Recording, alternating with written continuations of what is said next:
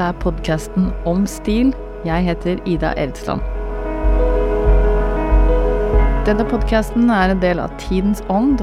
Gå inn for å tegne abonnement og høre flere episoder som denne. I dag har vi med oss Anna Skavlan, journalist i D2, som nettopp har skrevet en stor sak der om Chanel. Eh, og vi vil ha med henne for en prat om Coco, Carl og parisisk mote i Norge. Velkommen, Anna. Tusen takk. Takk for at jeg får komme. Eh, vi, skal, eh, vi, skal, komme tilbake til alt dette, men først eh, så vil jeg bare starte med en, eh, en kort beskrivelse av Chanel og denne liksom mytiske eh, både kvinnen og stilen her beskrevet av hennes biograf Edmond Charles Roux i 1974. Eh, det er altså fire år etter eh, hennes død. Eh, han beskriver arven etter Chanel på denne måten. Formene vi arvet av henne er som de er, verken mer eller mindre. Ingen sideblikk eller allusjon. Det kom av at hun nektet å bøye seg for noen andre krav enn de fra hverdagslivet. Å følge noen annen strøm enn den som kom fra bondearven hennes. Holdningen har et navn. Sunn fornuft. Chanels design er inspirert av hvile, arbeid, bevegelse. Kvaliteten i stilen hennes kom fra den naturlige pusten som fyller den, alliansen av det eksplisitt funksjonelle med det ultraraffinerte. Det minste paradokset av en stil som kan skilles fra vår tid like lite som drama som utspilte seg i den. Chanel levde besatt av sin egen legende. Hun fetisjerte sin egen persona og sin ungdom i den grad at alle kolleksjonene hennes var som et ensomt tilbakeblikk en lang, ubevisst reise inn i fortiden. En fortid hun aldri snakket om. En eh, kompleks eh, kvinne og, eh, og en etter hvert ikonisk stil, mm. kan man jo si. hvorfor er Chanel fortsatt relevant i dag, tror du, Anna? Altså, dette er jo et veldig godt spørsmål, og jeg tror mye av det handler om Karl Lagerfeldt, som vi kommer til å snakke en del om, og hva han gjorde da han kom inn i dette mothuset på 80-tallet. Um, men jeg tror også det handler om at de er en slags sånn øy i motebransjen. Det har vært det samme så lenge. Um, de som begynner å jobbe der, blir i tiår etter tiår. Og som du sa veldig godt i uh, saken jeg skrev om, om, Chanel, er at det handler ikke om trend, men det handler om stil. Mm. Så de er på en måte aldri ute av motebildet, fordi de holder seg så konstante i en mote som er veldig forvirrende og til tider eh, ganske kaotisk. Og eh, ja, nemlig. Chanel er jo sånn sett eh, en av få motskapere som, som står for noe litt sånn evig. Mm. Som, som, gir oss Eller som, som, rett og slett er noen sånne klassiske byggeblokker, nesten, å, å, å bygge en sånn motehistorie eller et bilde av det på, da. Ja. Uh, du, du, skrev jo en sak om, om, Chanel, og aktualiteten her er jo at eh, Chanel nettopp har åpnet i Oslo. Endelig. Ja, ja. Uh, syns kanskje mange. Eller tenker, tenker, noen, jeg vet ikke. Uh, kan du fortelle litt om, uh, om, hvordan det var å jobbe med den og, og møte Chanel-teamet? Altså, det begynte jo med at jeg var på um, en L, norske L-fest på Sommero, slik, slik man gjør. Mm -hmm. og der møtte jeg en kvinne som var sjef for Chanel sin presse- og kommunikasjonsavdeling i Skandinavia. Og hun fortalte meg om denne butikkåpningen og spurte om jeg var interessert i å skrive om det. Um, men da sa jeg at da må jeg ha noe tilgang. Jeg vil gjerne da intervjue uh, designeren, um, men det er umulig. Hun stiller ikke opp. Um, så da ble det til at jeg kunne prate med uh, Bruno Pavlovskij, som har tittelen 'President of Fashion', eller jeg valgte på norsk å kalle han motesjef, som er da overser alle åpninger av butikker, visninger, nye kreative direktører og andre kreative prosjekt, og få dra på visningen i uh, Paris. Um, og så var jeg jo først litt usikker på om denne historien var nok, men så begynte jeg å lese litt mer om Chanel, hva Coco Chanel representerte, hvordan hun um, jeg, vil ja, hvordan hun, jeg vil ikke akkurat si revolusjonerte moten, men på en måte stabiliserte en egen stil og et eget uttrykk. Um, og også hennes egentlig ganske kontroversielle historie. Og så så jeg det som jeg nevnte i sted, at Chanel um, skiller seg veldig ut fra mange av de andre store franske motehusene. Og da så jeg at her er det virkelig en uh, historie å fortelle. Eh, Ja, og samtidig så, så åpner eh, The Met stor utstilling om Karl Lagerfeld. Eh, Aktualiteten, det er perfekt. The Met-galla kommer noen uker etter din sak, og det skal vi også snakke litt om. Ja. Hva Karl Lagerfeld betyr for Chanel, eller dette, denne sammensveisingen av to stiler som skapte på en eller annen måte sånn popkulturell gull, da på slutten av 1900-tallet. Eh, Chanel åpnet jo sin første butikk allerede i 1910, så hun er jo ikke noen sånn eh, Eller hva skal jeg si, hun tilhører en annen, en annen tid. Ja, ja. Eh, mens Karl Lagerfeld på mange måter har vært med å ta eh, og dra Chanel opp i, eh, opp i Ja, helt fram til nå 2023, hvor det nesten mer aktuelt enn en noen gang, eller på lenge. Eh, så så det er et, eh, et kjempespennende tema. Vi kunne gjort mange episoder om dette, men, eh, men ikke minst, det er jo veldig, veldig gøy å ha deg her. Eh, Du har jo en eh, litt spesiell også historie med Chanel. Altså, hva betyr Chanel for deg personlig? Um, altså, hele min oppvekst så har det stått en helt latterlig stor flaske med Chanel nummer fem på badet. Og jeg trodde hele tiden at dette var en ekte parfyme, helt til min mor forteller meg at det var utstillingsparfymen som sto i vinduet på Chanel-butikken i København, som var den første som åpnet i eh, Skandinavia, hvor hun var butikksjef på 80-tallet. Intet mindre. Intet mindre. um, så Chanel har hatt en overraskende på en måte stor, vært en stor del av mitt liv. Altså min mor giftet seg i svart Chanel-drakt med en langstilket rød rose, og har hatt esker på esker med helt fantastiske Chanel-smykker som jeg har liksom kledd meg ut i når, da jeg var barn. Um, og det har jo også virkelig preget mitt syn på Chanel, fordi for meg har det alltid, har det av min oppvekst vært et merke for voksne kvinner. Det har vært veldig sofistikert og veldig ryddig. Og så etter hvert når jeg begynte å jobbe i motebransjen selv, og da endrer synet mitt og se nei, dette er et merke som også gjør en stor innsats for å være ungt og være sexy og være spennende. Så født og oppvokst med Chanel, med andre ord. Ja. Men eh, jeg er litt nysgjerrig på deg. Din mor, når hun jobbet, eh, hvordan var det på en måte å jobbe for Chanel da på, på 80-tallet? Ja, altså da var det jo veldig mye mindre. Så da var det også butikksjef som gjorde innkjøp.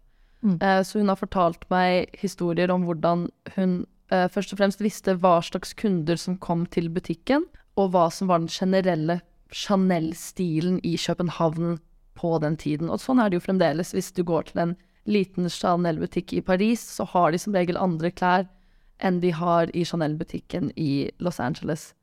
Eh, men hun visste jo også hvem eh, stamkundene var, og hvilke størrelser de hadde, hvilke plagg de hadde fra før, så hva de kunne trenge seg mer av, eller hva hun kunne tenke de likte. Så hun hadde jo en slags sånn handleliste da hun dro på disse visningene. Og visninger som da ikke var de Karl Lagerfeldt er kjent for å lage med store produksjoner og kjøpesentre, isfjell eller romstasjoner. Da var det en enkel eh, molo. Det var eh, presse, innkjøpere og kunder som eh, så på. Og så var hun der for å velge hva som skulle bli med tilbake til eh, København. Veldig interessant. Eh, Det, det var jo også en annen tid eh, sikkert der, men så flytter hun til Norge, og da er det ikke så mye Nei, Chanel-butikker. da var det to små barn, og hun flyttet inn med en mann som bodde langt oppe i Kollen, så da var det bare barnefamilie. Men Oslo, Norge, har jo forandret seg mye. Det, det er et annet sted i dag. Fikk du inntrykk av eh, Eller eh, fikk du noe inntrykk av hvorfor Chanel ønsker å etablere seg her akkurat nå? Um, det går jo på denne bølgen av veldig mange luksusbutikker som har uh, åpnet nå. Uh, men det jeg syns er ekstra interessant med Chanel-butikken, som jeg også var og så på, som sjokkerte meg at var over to etasjer og var veldig, veldig stor, så er det at de selger ikke kun tilbehør, som mange av de andre store butikkene gjør, de selger også klær. Og det gjør de jo kun fordi de vet at det fins kunder her som vil bruke penger på Chanel Ready to Wear. Og det nevnte også Bruno Pavlovskij, som jeg intervjuet, at de drar bare dit de vet de har kunder. Og det er jo mye snakk om turistene som kommer om eh, sommeren, eh, som eh, handler. Men etter hva jeg forsto, så vet jeg at de har mange lokale kunder her også. Og det er jo veldig spennende å se at eh, et land som er kjent for å være praktiske, et land som er kjent for eh, plagg du kan bruke mange steder i mange elementer, har lyst til å bruke så mye penger på fransk luksusmote. Absolutt. Eh, og kanskje det ligger men, men, kanskje det er nettopp her Chanel Jeg vet ikke helt hva slags analyser de gjør, men kanskje de, de ser på nettopp Altså, om vi skal tenke at uh, Chanel-stilen i anførselstegn er uh, inspirert av nettopp dette litt sånn hverdagslige ja. i bunn og grunn, da. Ja, ja. Men likevel med en levetid som uh, kan på en måte gå over generasjoner. Mm. Og nettopp knyttet til nesten sånn Det eneste nordmenn da egentlig har lov til å bruke penger på av klær, nemlig bunad. Altså, Chanel, Chanel er en slags sånn high fashion-bunad, mm. kan man si det? Ja, absolutt. Og jeg vet jo at jeg aldri trenger å nå bruke 100 000 som det har begynt å koste på en uh, Chanel-veske, fordi jeg kan arve min mors, fordi den har hun tatt så godt uh, vare på. Kanskje jeg også kan gifte meg i en Chanel-drakt, hvis det fremdeles uh, ser bra ut den dag jeg står på nede kirkegulv. Heldig gris. ja, men la oss bare spole litt tilbake i tid, kanskje. Coco Chanel, en, eller Gabrielle Chanel som hun mm. egentlig het, en, en fascinerende kvinne på alle måter. Født 19.8.1883. Eh, eh, og vokser opp eh, etter hvert som tolvåring. Blir hun flyttet til et barnehjem da moren dør, i et kloster. Vokser opp i Saumur i Frankrike. Hva syns du er liksom, det mest fascinerende med hennes person eller oppvekst, eller hva er det som, som gjør at du Altså, slik jeg opplevde henne etter å ha gjort research jeg har gjort nå, um, er at hun var um, en opportunist. Mm. Hun var ganske snobbete. Og så er det jo denne nazitilknytningen som Chanel i dag prøver å skjule og dytte veldig ned. Um, og det er jo spekulert veldig mye i, men man har på en måte nok informasjon til å kunne bekrefte at hun hadde ganske betydelig tilkobling til nazistene. Uh, hun fikk jo en uh, elsker som var nazioffiser under okkupasjonen av Paris. Og så var det noen um, deklassifiserte dokumenter fransk etterretning fikk uh, tilgang til, som bekreftet at hun hadde et kodenavn som naziagent. Da hadde hun også kallenavnet Westminster, fordi hun angivelig hadde en affære med den andre hertugen av Westminster på et punkt. Um, og så var det en fransk dokumentar, uh, hvis navnet jeg ikke skal prøve å uttale. som avslørte at hun var en betydelig del av uh, operasjon Model Hut, som handlet om okkupasjonen av Madrid. Så med denne informasjonen så vet man at hun faktisk var Man kan si med ganske mye trygghet at hun var nazispion. Det er ganske uh, utrolig. Det er veldig utrolig. Men i det store bildet så syns jeg at dette eh, slik dette ble håndtert, uh, så er det nesten bare positivt for Chanel. Ikke at hun var nazist, men fordi det var jo ikke på dette punktet så var det ikke Coco selv som eide selskapet. Og der kommer vi jo igjen tilbake til denne parfymeflasken, da, som jo er nøkkelen til hele historien til Chanel, fordi hun lagde nummer fem for gode kunder. Så hun lagde bare, jeg tror, 100 eller 1000 flasker. Men denne ble så populær, og hun trengte å få produsert mer. Så hun møter denne mannen, Pierre Wertheimer, på en hesteløpsbane utenfor uh, Paris, og han var kosmetikkarving selv, så han hadde tilgang til kosmetikkfabrikker. Og da var det en mann som het Theophil Bader, uttaler også det sikkert uh, feil, uh, det må jeg bare beklage for hvis det er noen som snakker fransk som hører på, som eide Galleri Lafayette, veldig berømt kjøpesenter i Paris. Og de tre gikk sammen, hvor han skulle selge parfymen. Wertheimer kunne produsere den, og Chanel hadde navnet. Og av denne dealen endte hun bare opp med 10% selv, så hun hadde jo ikke majoritet i sitt eget selskap. Men dette gikk så utrolig bra, salget av Chanel nummer fem, at hun prøvde i årevis å få tilbake kontrollen over uh, merket sitt. Um, jeg leste også at Wertheimer-familien hadde en egen advokat som kun håndterte alle søksmålene fra Koko. Um, og hun prøvde jo da under krigen, ettersom Wertheimer-familien var uh, jødiske, um, og de forlot landet, uh, så prøvde hun å erklære selskapet som forlatt, så hun kunne ta det over selv. Men de var smartere enn uh, henne, så de, eh, Wertheimer hadde solgt selskapet til en fransk businessmann en måned før okkupasjonen. Så det da var eid av en kristen fransk eh, mann og ikke en jødisk familie. Og han solgte det tilbake til dem etter at krigen var over. Så det er fremdeles eid av Wertheimer-familien. i Nå er det tredje generasjon. Så denne nazitilkoblingen i det store bildet gir heller et bilde av hvordan familien som eier Chanel nå, har holdt på det og bevart og promotert denne businessen så godt i um, nesten 100 år. Ja, det er en, en eh, fantastisk historie. Mm. Det, ja, nei, det, det er nesten utrolig. Og, og det gir jo en, en på en måte økt respekt for Chanel som merkevare, Ja. syns jeg. Hvordan opplevde du at, eh, at Chanel dealer med denne historien i dag? De vil jo ikke at dette skal nevnes, de vil ikke at dette skal snakkes om. De mener det kun er spekulasjon, til tross for at vi har nok informasjon til å si at det stemmer. Og selv Coco Chanel sin Wikipedia-side har opptil flere faner om hennes involvering med nazistene. Fordi jeg tror de vil bevare det som en veldig sånn stabil, trygg, fransk stolpe i motebransjen. Og hele den historien eh, kaster jo litt lys på det flere biografier og filmer har handlet om når det gjelder henne. Altså litt sånn tragedien for eh, Gabrielle Chanel, da, at hovedfokus i hennes liv eh, var romantikken, relasjonene, som hun aldri fikk til. Det blir aldri oppfylt. Hun dør alene i et, eh, på et hotellrom på The Ritz i Paris.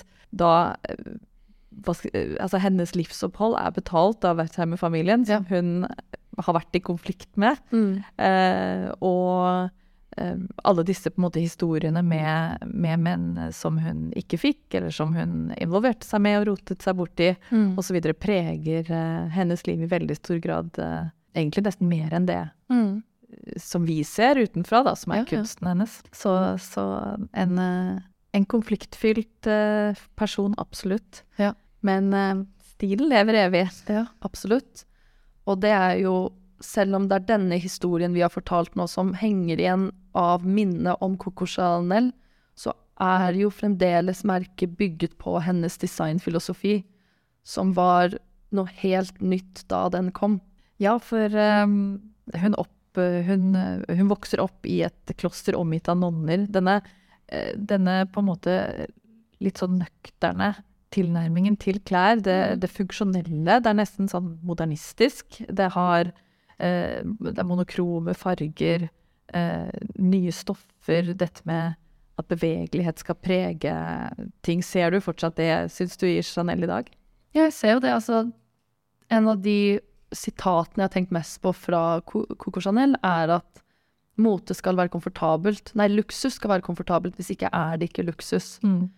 Og det er noe med disse tunge jakkene og klær som man kan bevege seg. Jeg vil jo si at kanskje noen av f.eks. Carl sine bitte små bikinier med Chanel-logo ikke går under, under denne definisjonen.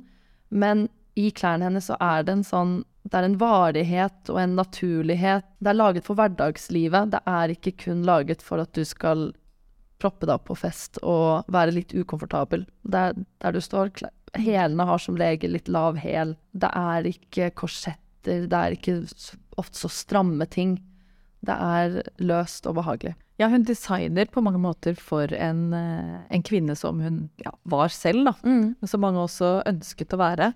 En, en friere type, en mm. som eh, tok for seg livet på mange måter. Ja, Og og som ikke var begrenset av en sånn ja, holdning til hva det feminine skulle være, da. absolutt. Og det er fordi um, klærne er jo veldig inspirert av nettopp herremote.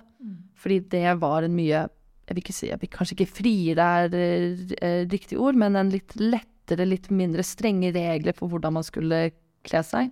Og mer behagelig. Altså, hun lagde disse klærne på en tid hvor kvinner skulle, gjerne skulle gå med korsett. Men for henne å da heller lage drakter eller dresser for kvinner var veldig unikt. Um, og ville at eh, en kvinne skulle ha samme ledighet i klærne sine som en mann.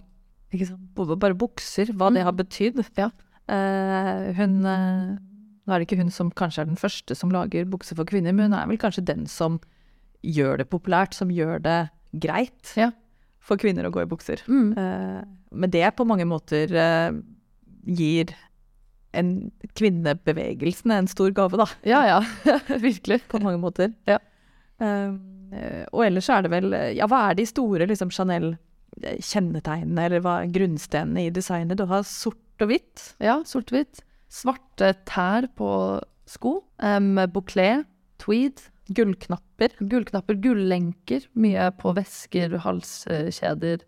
Uh, alle Chanel-jakker har, har, jo også en gullenke helt nederst i jakken sydd inn for at den skal bli tung og henge pent. Ja. For at den ikke skal løftes for mye når du går. Genialt. Veldig. Eh, bijouteri, altså mm. eh, falske perler. Du kan lesse ja. på med liksom disse statussymbolene uten at det ja. kost, trengte å koste skjorta, egentlig. jersey.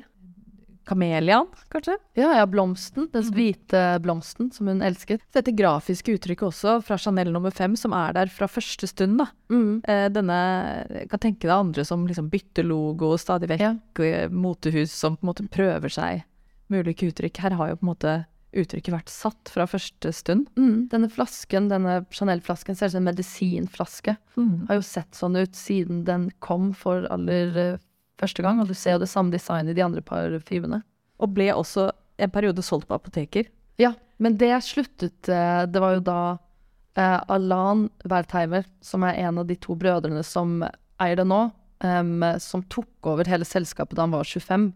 Fordi hans, hans far, Jacques, um, ikke var noe interessert. Han var mer interessert i hester, som jo er den store hobbyen til denne familien. Jeg minner også igjen om at Chanel og Pierre Wertheimer møttes på en hesteløpsbane. Mm -hmm.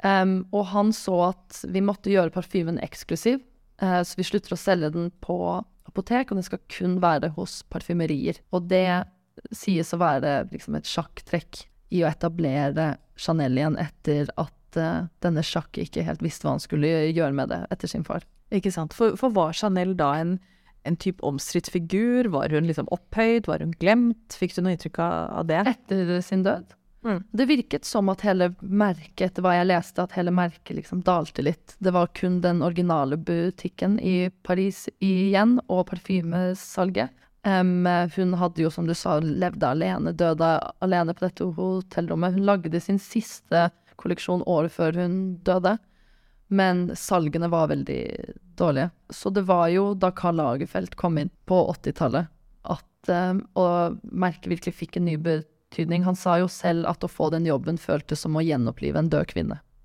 Ikke sant.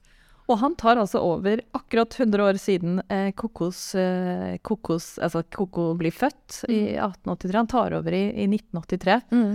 Eh, og da jeg snakket med deg i forbindelse med den saken, så sa du et eller annet som at nå er jo Karl Lagerfeldt også, også, død. At det er et sånn stort Karl Lagerfeldt-formet hull ja. i eh, alle samtaler om Chanel, eller ja. i, i liksom historien om Chanel nå. At han har vært liksom gravitasjonspunktet de siste ja. 40 årene. Jeg føler at um, når jeg ser fra et mer liksom, populærkulturelt sted, eller et ja, uh, motebransjesynspunkt, at det er en slags stillhet. Chanel har blitt veldig mye mer beskjedent.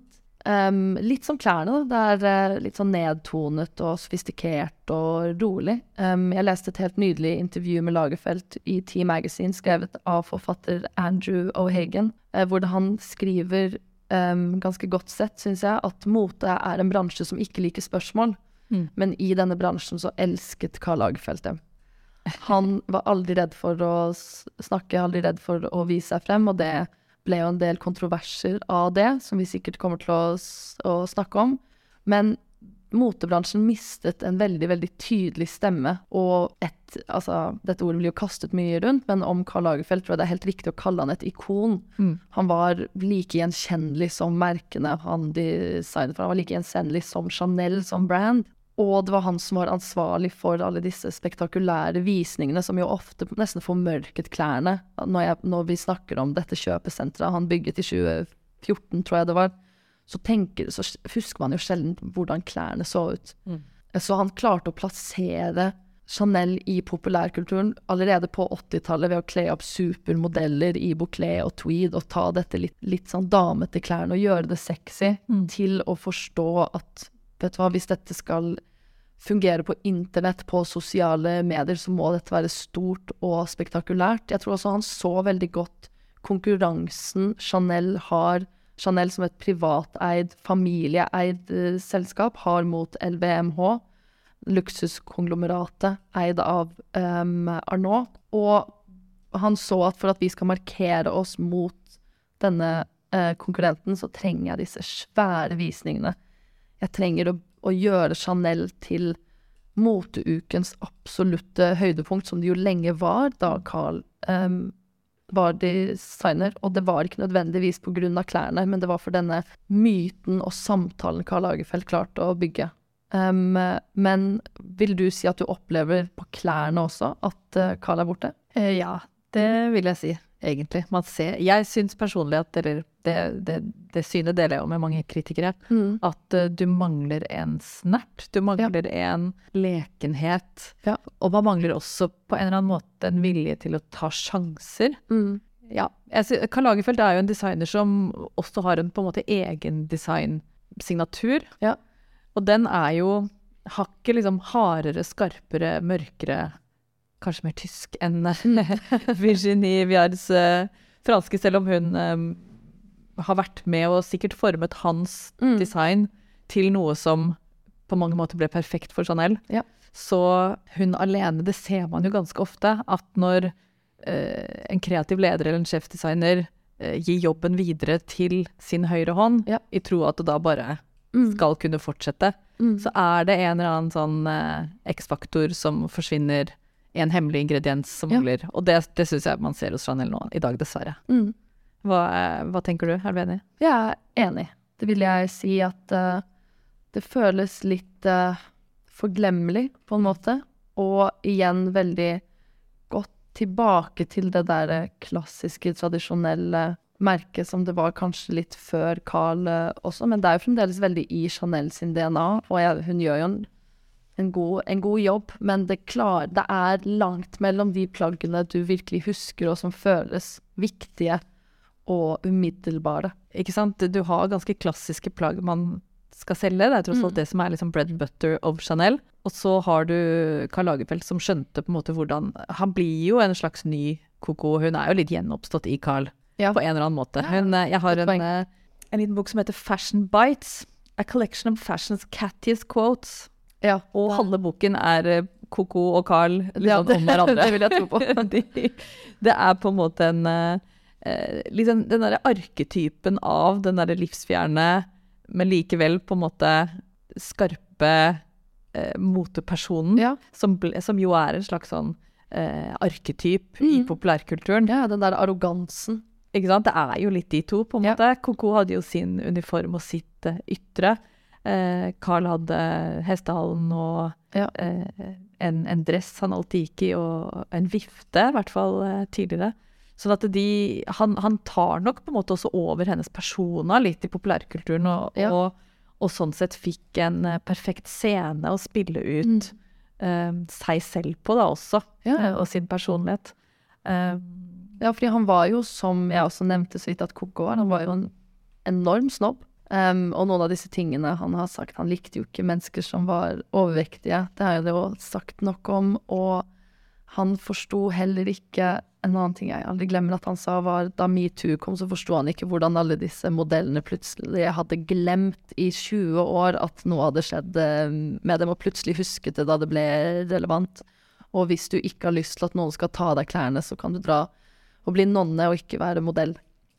ikke sant. Uh, men han var jo også en en slags eh, renessansemann. Han snakket fire-fem språk. Mm. Han tegnet, han tok bilder.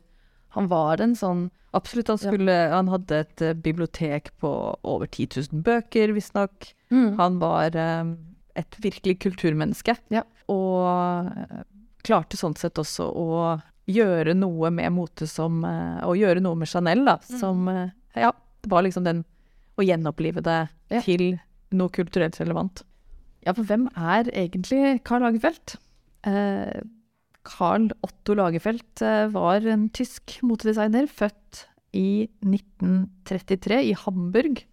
Eh, det første vi på en måte hører om han i moteindustrien, er jo at han eh, mottar en Woolmark Prize. Den fins fortsatt en dag i dag. I 1954. Og da får han altså førsteplass for, uh, i, i, i, sminkekonkurransen. Kuriøst nok så er det Yves Saint Laurent som også slår gjennom, eller synes i offentligheten for første gang her, og han får da førsteplass i kjolekonkurransen. Hakket mer stas, men eh, men likevel, her står de eh, side om side. Jeg tror eh, Lagerfeldt er 21, og Saint Laurent er 19 eller noe sånt. Ja. Så det er ganske spesielt. Eh, Karl Lagerfeldt skal jo gå videre til å spille en helt sånn sentral rolle i, i sin tids Paris, men han er en eh, litt sånn designer som, som jobber mye, som Ja. eh, har sitt eget merke. Det var jo et kjennetegn for han hele karrieren. Han hadde mange jern i ilden, for å si det sånn. Han jobber for Jean Patou, han jobber for Balmain, han jobber for Chloé, men han jobber også for Repetto, og til og med for Monoprix i Frankrike. Han gjør virkelig alt, og han koketterer også med at han eh, ikke hadde noen ambisjoner. Han bare på mange måter eh, levde motelivet og Tror vi på det? At han ikke hadde noen ambisjoner? på ingen måte. På ingen måte. Han var en myteskaper av rang. Eh, Men han sier i hvert fall han kommer selv til da, eh, Paris som 14-åring og begynte å jobbe allerede når han var 16. Eh, og det er først som 50-åring at han blir tatt inn hos Chanel og får eh, Mm. det formelle ansvaret som, som kreativ leder. Hva var det han gjorde for Chanel da? Dette var jo igjen denne Alain Wertheimer som som 25-åring tok over eh, roret ved Chanel. Um, som ansatte Carl til å gjøre først haute couture. Og når du ser på de bildene fra Chanel på 80-tallet, disse couture-kjolene, eh, modellene på catwalken, så er det en sånn lekenhet, nesten en frekkhet. Mm. Han var jo med også på denne første skikkelig supermodellbølgen. Å få disse nesten sånn overmenneskelig vakre kvinnene med små, litt sånn lure smil på catwalken til å Mm. vise klærne. Og da ble det da ble det ikke så lenger så seriøst. Og det han også forsto, altså mote er gøy, og det burde være gøy. Det er jo også kanskje litt banalt å si, men det er vel den kunstformen flest mennesker i verden tar del i, fordi absolutt alle kler på seg. Absolutt. Og jeg tror Karl Lagerfeldt virkelig forsto at mote er noe av egentlig noe av det morsomste vi har i, i hverdagen. Fordi det er hvordan man ser ut, det er hvordan man setter seg selv sammen eh, hver dag. Og du ser denne lekenheten i disse første bildene fra Chanel på 80-tallet. Og det var veldig synlig også gjennom alle hans år som Chanel sin kreative direktør. Ja, ikke sant. Han har dette glimt i øyet, en, en frekk kommentar, men han vet, du skriver også i saken, at han vet, altså, han vet hele tiden hva han holder på med. Ja. Han, han gjør det, han vet hva vi vet. Han er ikke en sånn livsfjern designer som ikke skjønner at mote også kan være ganske sånn tullete. Ja, og han skjønner at det er en helt absurd bransje.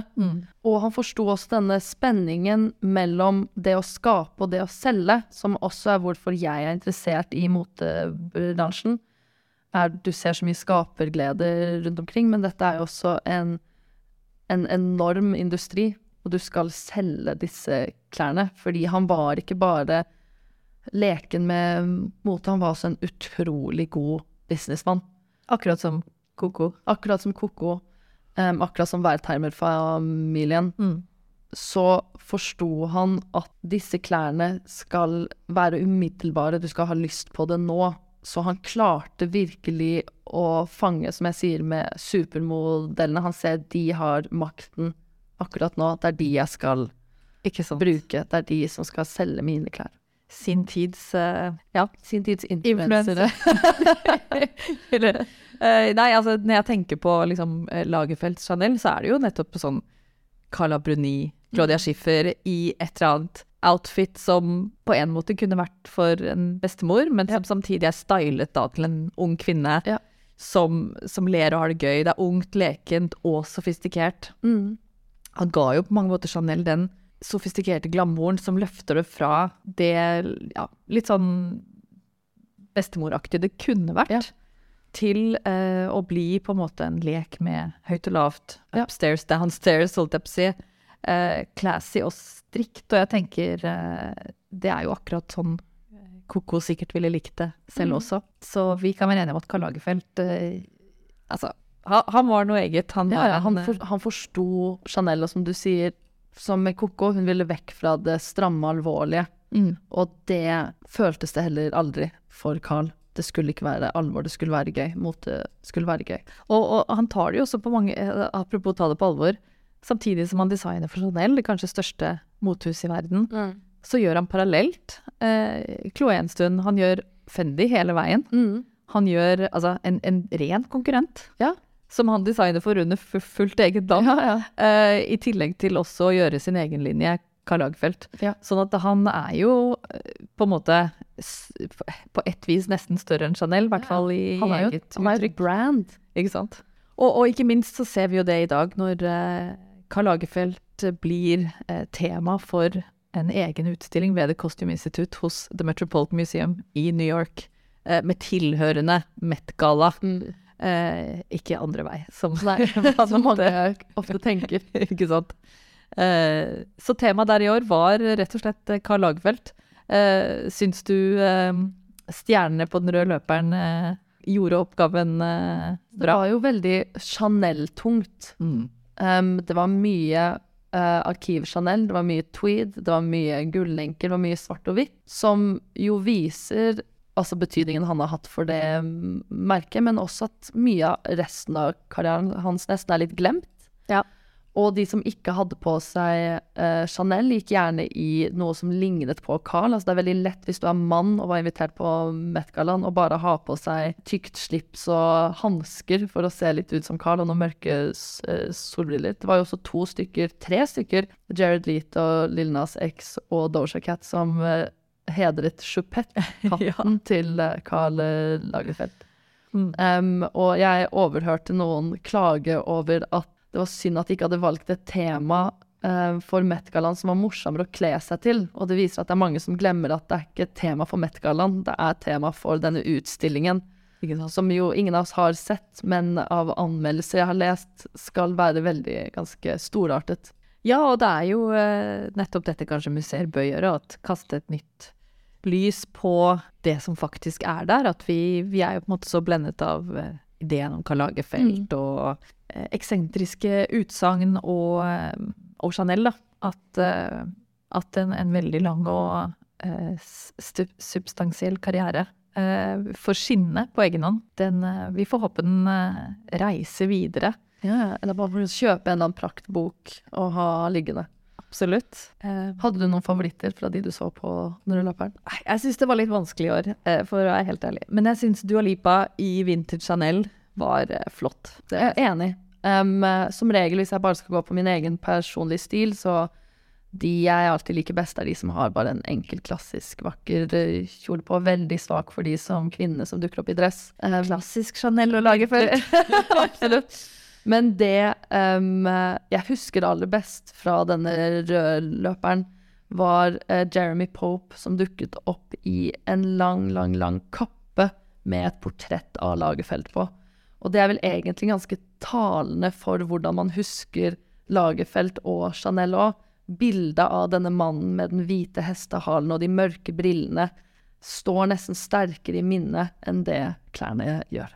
Ikke sant. Og klærne er på mange måter til eh, for oss, da. Eller Mm. til for eh, de, de skal ikke rope så høyt. Nei. De skal ikke ta oppmerksomheten. De skal på en måte leve evig, men det er liksom vi og personlighetene som, ja.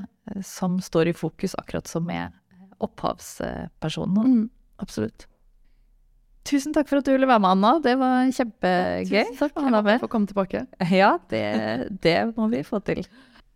Du har hørt på Om stil med meg, Ida Erstrand. Vi høres neste gang.